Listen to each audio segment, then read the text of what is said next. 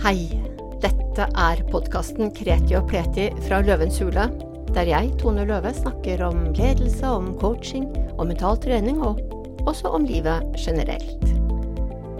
I denne episoden så syns jeg det er på sin plass å hylle mangfold.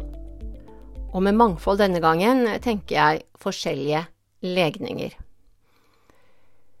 Dette skulle vært en gledenspodkast, og så øh, skjedde det angrepet i Oslo natt til lørdag. Og det er vel vanskelig å tro noe annet enn at dette er et angrep på homofile. Og når det er et angrep på homofile, så er det også et angrep på mangfoldet, et angrep på livsglede, på menneskeverd og kjærlighet. For meg så er det fristende å sitere Arnulf Øverland, som har blitt sitert mange ganger før, men det er på plass igjen. Du må ikke sitte trygt i ditt hjem og si det er sørgelig, stakkars dem. Du må ikke tåle så inderlig vel den urett som ikke rammer deg selv. Jeg eh, roper med siste pust av min stemme.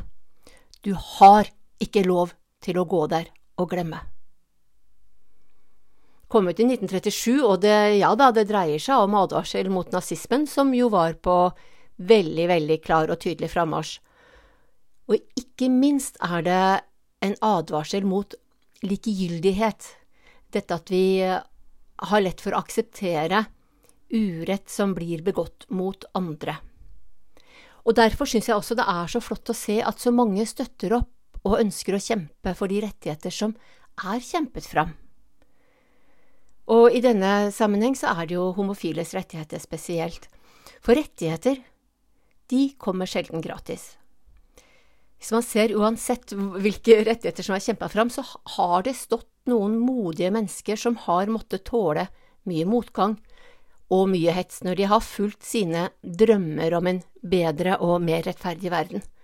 En verden som tillater mangfold, og en verden som, som, tillater at vi er forskjellige, at vi ønsker å leve som den vi er, uten å måtte skjule vår egen identitet. Og de aller fleste av oss ønsker å leve både i og med kjærlighet. Og da er det så synd at det er noen mennesker som ikke tåler disse forskjellene, altså som har bestemt at de som ikke lever etter deres normer og regler, ja, de fortjener faktisk å dø. Det er et angrep på menneskeverdet og friheten vår som vi må hegne om. Fordi den er vunnet fram gjennom mange menneskers iherdige innsats og stort vågemot, og vi, vi har en forpliktelse til å passe på at disse rettighetene, altså dette likeverdet som gjelder på så mange fronter, enda flere fronter enn retten til å leve ut diverse legninger, altså enten det dreier seg om hetero, homo, bi, trans, ikke-binære, eller altså hvilken betegnelse man finner sin identitet i, da. Og det har ikke kommet uten at noen har gått foran og kjempet kampene.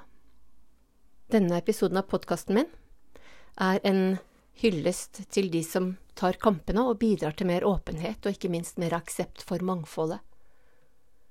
Og selvsagt, jeg kunne snakke om mange typer mannfolk, eh, ikke mannfolk, men mangfold. Og i dag så dreier det seg om eh, dette med å kunne leve ut sin legning.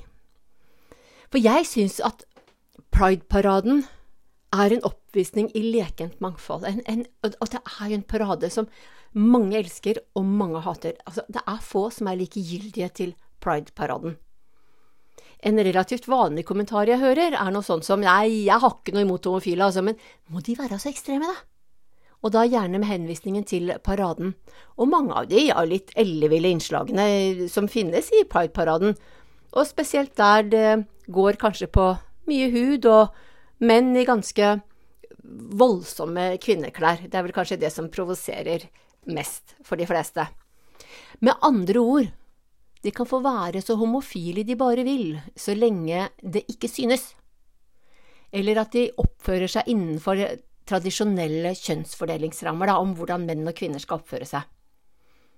Men noe av det jeg syns er flott med Pride-paraden, altså, for den inneholder et stort spekter av deltakere fra det som vi kan anse som den innerste kjerne av normalitet, til det normale av det normaleste, og til det helt elleville og det utrerte. Det er jo noe av det jeg syns er fascinerende, og som jeg virkelig digger med den der Pride-paraden. Og jeg tror at vi trenger et skikkelig røsk, sånn at vi kan utvide grensene til det normale. Det normale som er som en slags motorvei vi alle skal befinne oss på, og den motorveien den er brei, og den rommer mye. Her er det mulighet for køkjøring, forbikjøring og råkjøring, og de aller fleste syns at hele bredden er grei. Og ja, veien er mye breiere enn den var for 50 år siden, og det er bra.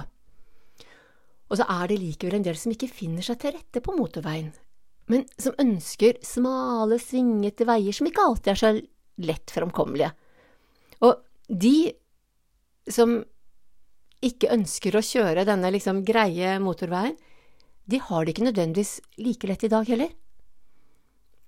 Og det har heller ikke mangla på kritikk fra homofiles egne rekker, altså for det er mange som ikke føler seg hjemme i det outrerte. Og, og kan, altså når de da ser Pride-paraden, så kan det jo også føre til at de kan, kan bli mer usikre på sin egen legning.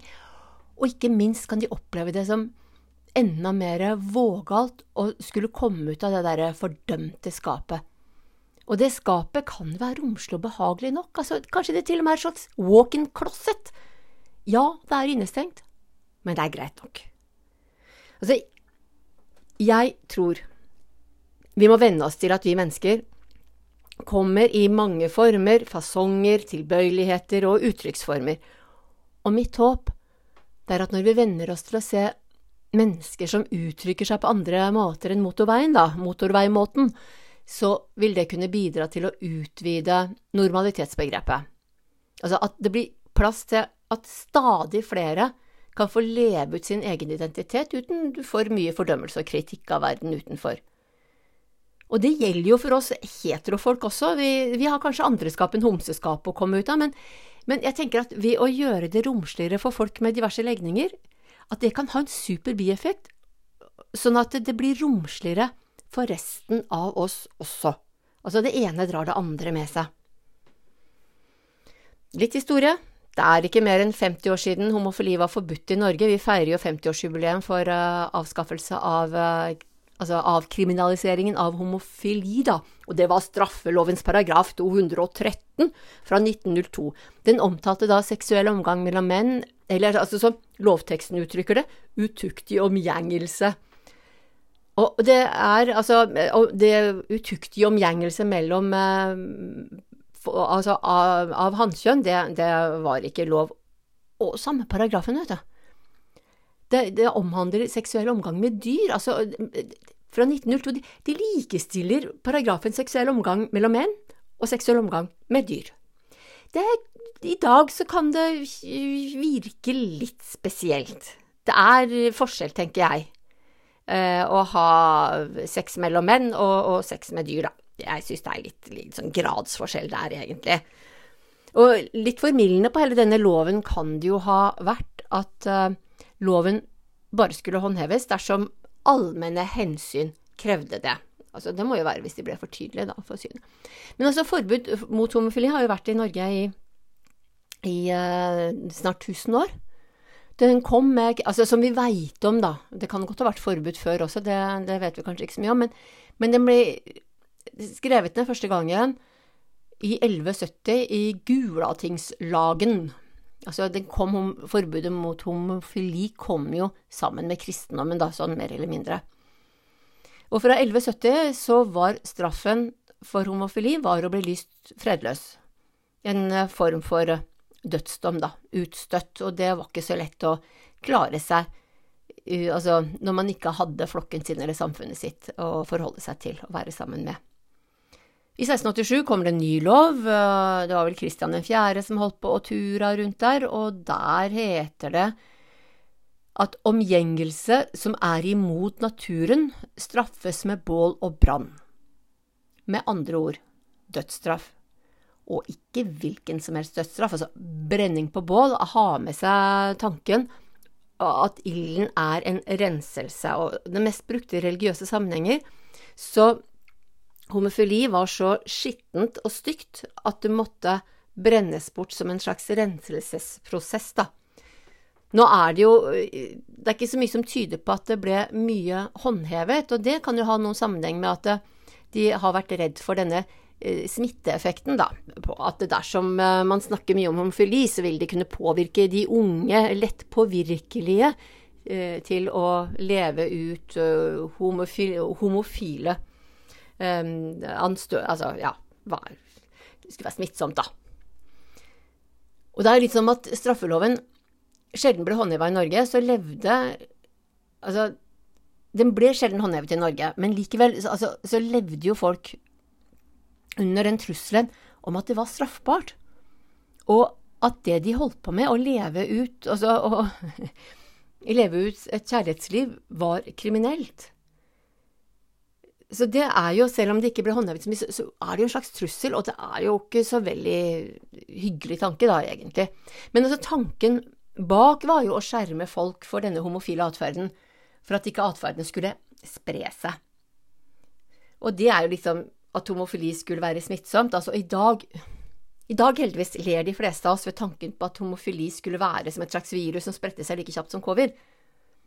I hvert fall så ler de fleste av, av, oss her i vår lille del av verden, da. Det er jo noen av vår lille del som ikke ler av den tanken der, og andre steder i verden så ler de overhodet ikke. Så, så, jeg tenker også at det er jo Dette med avkriminalisering, det er jo lettere å stå fram som homofil når man ikke risikerer straff, eller, eller altså At eh, det ikke blir ansett som kriminelt og moralsk fordervelig, da. Og selv om dette her er 50 år siden den uh, loven falt, så er det Og det må jeg bare si, altså det var uh, mot Kristelig Folkeparti sine stemmer, selvfølgelig. Men jeg tenker at uh, selv om vi nå tar egentlig mange av disse rettighetene som en selvfølge, så viser jo også dette angrepet som har vært, jeg tenker jo Orlando også for noen år siden, og, og dette som skjedde her for et par dager siden, det minner oss jo om at det, det er viktig å, å, fortsatt kjempe for disse rettighetene og for den anerkjennelsen at det skal være mulig å leve på forskjellige måter. Og det gjelder for så vidt ikke bare homofile. Det, altså det, det er jo altså, mange måter å kunne leve sammen på som ikke er kjernefamilien, da. For det er nå litt sånn at veldig mange anser at det er kjernefamilien som er det eneste rette, og alt annet blir ansett som en trussel mot menneskeheten. Og i deler av verden er det jo da straffbart med døden, og, og så man ser også at en del steder så er jo også homofil agitasjon, som de kaller det, straffbart. Det vil si, om de lever ut sin kjærlighet offentlig og viser sin kjærlighet åpenlyst, så er det straffbart. Jeg tenker at her i Norge så er vi heldige. Vi har hatt en del bra folk som har gått foran. Jeg tenker Kim Friele. Kjempa for avkriminalisering av homofili, som ble krona med seier i 1972. Og jeg tenker også på Kim Phillips, tenker jeg, ja, hun var jo mye sint, da. Men så tenker jeg, ah, hun hadde jo egentlig også ganske mye grunn for å være sint, altså. For hun ble jo møtt med så mye ufine og nedverdigende kommentarer og argumenter. Og innen psykiatrien så ble jo homofili ansett som en mental forstyrrelse fram til 1977. Det er, det er ikke så lenge siden, altså. Hun Kim Friele for meg hun står som en bauta over kampen for homofiles rettigheter, og i min verden så gjør det henne også til en bauta over kampen for menneskeverdet, rett og slett. Jeg syns det henger sammen. Andre som jeg egentlig kan tenke meg å trekke fram, er jo Kjell Erik Øie. Fordi han var jo ansiktet utad på mange måter i, i kampen for partnerskapsloven, som ga homofile de samme rettigheter som ektefolk. Og det var en heftig kamp, det også, med mye stygg ordbruk om hva som er normalt og skjønt og naturlig. Så han ble jo stående som ansiktet utad og skyteskive for ja, en del hissige stemmer. Stemmer som fremdeles i 1993 mente at homofili var naturstridig og en styggedom, og det er jo fremdeles noen som mener det, altså. Det er, ja, vi får bare si det er jo mange forskjellige meninger uh, her i verden. Um, andre ja, må, må, er en hyllest til en del av de menneskene som har gått foran. Og en annen dame som uh,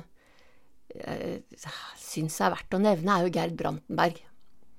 Hun skrev jo boka opp alle jordens homofile, der det var homofile hovedpersoner. Og så kan man jo spørre seg, er det så innmari viktig da å ha noen sånne homofile hovedpersoner? Og det er det. Det er ikke noe tvil om det. Altså, det er viktig for oss mennesker å, å ha noen rollemodeller, noen vi kan identifisere oss med, som kan bekrefte at det finnes flere av oss. Og det gjelder enten er homofil eller er uh, altså er litt annerledestenkende på mange andre måter, da. Det er godt å, å vite at det er flere. At det er ikke jeg som er gal eller rar, eller at det er sånne ting. Er, vi er flere. Og heldigvis i dag så er det jo stadig flere både bøker og filmer og serier med homofile karakterer, som er med og bidrar til en normalisering av det, da.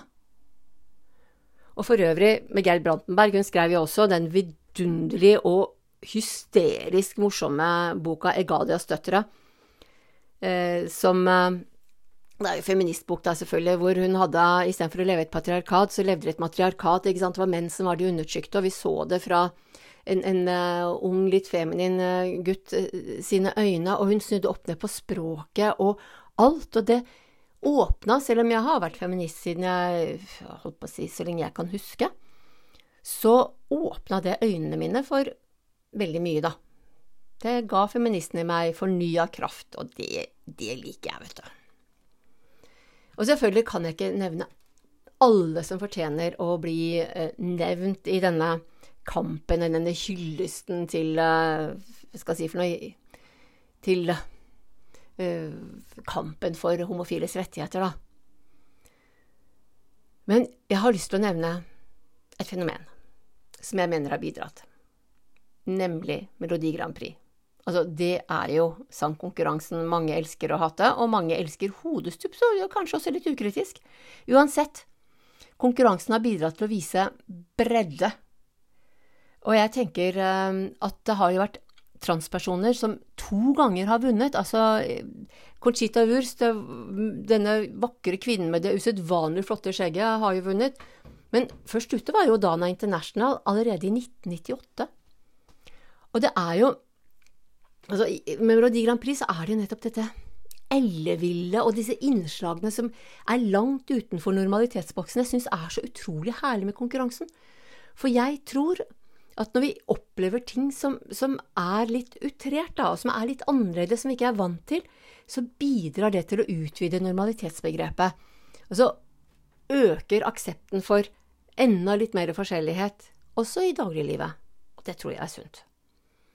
Så jeg tenker denne motstanden og denne kanskje aggresjonen kan ha noe å gjøre med den frykten og den usikkerheten som kan våkne i oss når vi møter noe som er nytt og ukjent, noe som er helt fremmed. Altså, for hjernen vår er det et vidunderlig stort arkivsystem.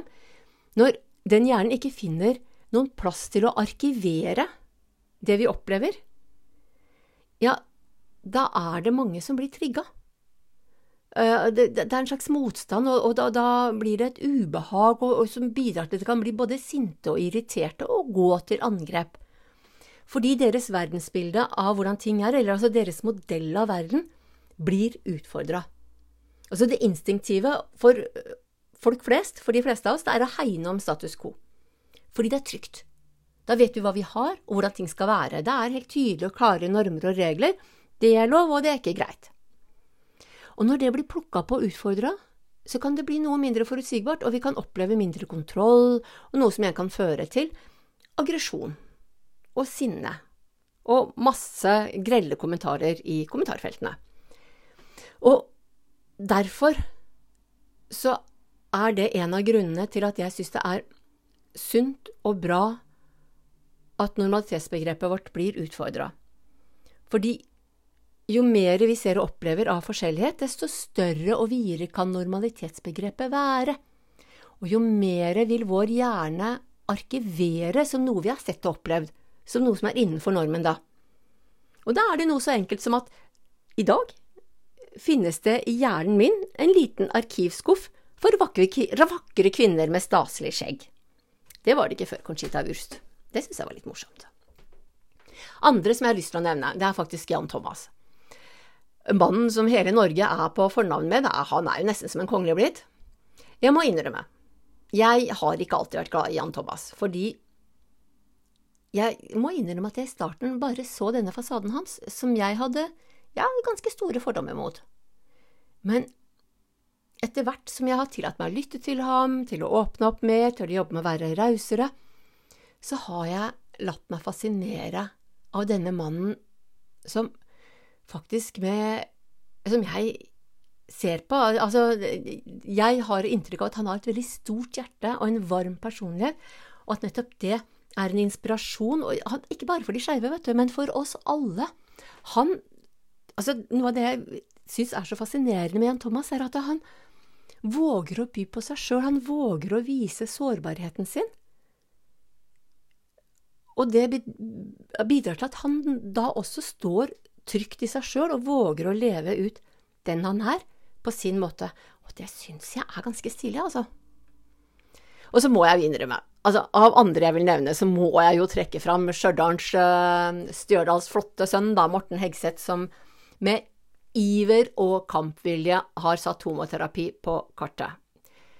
Han har aktualisert det temaet som jeg faktisk i min naivitet ikke var klar over at eksisterte engang. For, for meg så var tanken om at homofili kan helbredes gjennom fordømmelse av sin legning med litt bønn og litt kjønnsspesifikke aktiviteter, det både var og det er meg helt fremmed. Nå kan det se ut som uh, hans kamp, Morten sin kamp, altså krones med hell ved at et forbud uh, kan se ut til å få flertall på Stortinget. Altså noe som burde være en selvfølge da, i min verden. For selv om tilhengere av homoterapi anser det som en rettighet, altså at det er en del av å praktisere sin religion, da, så må jeg innrømme igjen kanskje i min lille naivitet, at jeg, altså jeg skjønner ikke hva homoterapi har å gjøre i noen religion eller trossamfunn eller livssyn som hevder å stamme fra kjærlighet. Som liksom snakker om kjærlighet, og så skal de fordømme og ordne og styre i samme setning. Det rimer ikke for meg. Jeg skjønner det ikke. Så må jeg jo trekke fram andre altså Jeg syns jo Morten er herlig i sin både mye vås og fjås, og, og eh, kan styre og ordne fra alt fra det liksom det mest hva skal jeg si for noe, det, det våsete og mest fjåsete, også helt ned til det helt seriøse. Og han har jo blitt faktisk eh, en av Norges nasjonalhomser, da, om jeg skal bruke det begrepet. Jeg liker, jeg syns det var et fint begrep. Jeg, kunne, jeg, vet ikke om jeg, noen har innført det for meg, men jeg likte det. Nasjonalhomse. Ja, det er bra. Så må jeg innrømme, sånn, bare å trekke inn litt fra sidelinja også, at jeg er fryktelig imponert over både Noman Mubashir og Amal Aden, som begge to kommer fra islamsk bakgrunn. Og jeg tenker også at det er så utrolig viktig at også muslimer står fram som homofile, fordi altså alle trenger noen de kan identifisere seg med. Og det at de viser at også muslimer kan være homofile, de er jo en sannhet som mange ønsker å skjule, og det er så viktig at den kommer fram, og at det også kan bli noe som er godt innafor normalen. Og grunnen til at det er så viktig å trekke fram alle disse menneskene, det er fordi vi trenger rollemodeller. Vi trenger folk som kan inspirere oss, som kan gjøre det lettere å stå fram med den identiteten vi har. Vi, altså, vi trenger disse modige menneskene som går foran og tar kampene for å skape et rausere, mer kjærlighetsfullt samfunn. Og vi trenger det nå, som før. Fordi våre rettigheter, altså enten det dreier seg om homofili eller andre rettigheter, som vi i dag tar som en selvfølge, eh, det provoserer mange. Og det er sterke krefter her i Norge, og i enda større grad rundt omkring i verden, som ønsker å snu dette. Som anser disse rettighetene som en trussel mot tradisjonelle familieverdier. Derfor er det så innmari viktig å ta til seg Arnulf Øverland sine ord i dag også, at vi må ikke sove. For motsatsen til kjærlighet er som kjent ikke hat, men likegyldighet. Og jeg synes det er så bra, for i dag så finnes det knapt en bok, en film, en TV-serie uten at det er homofile med. Og for noen synes selvsagt at det er i meste laget. Til det er det bare å si too much is never enough. For det er viktig med rollemodeller, og det er dette med å ha denne identifikasjonen. Og i tillegg til homofile, så trenger vi også nå flere transpersoner, flere bifile, flere bin... Altså av alle disse begrepene som skal synes, og sånn at dette også blir normalisert. For jeg, jeg tror som sagt at det er så sunt å utvide normalitetsbegrepet, og jeg roper et rungende ja til mangfold av forskjellig art, og ser fram til den dagen da vi ikke lenger tenker legning eller etnisitet, men at det vi ser, det er mennesket. At det blir helt uvesentlig hvor man er fra, hvilken legning man har, for det vesentlige er mennesket og kjærligheten oss imellom. Og det håper jeg at vi er på vei til det samfunnet. Så enn så lenge må vi bare reise oss. Vi må stå sammen, alle sammen, for et rausere og mer kjærlighetsfylt samfunn. Du har hørt en podkast fra Løve coaching.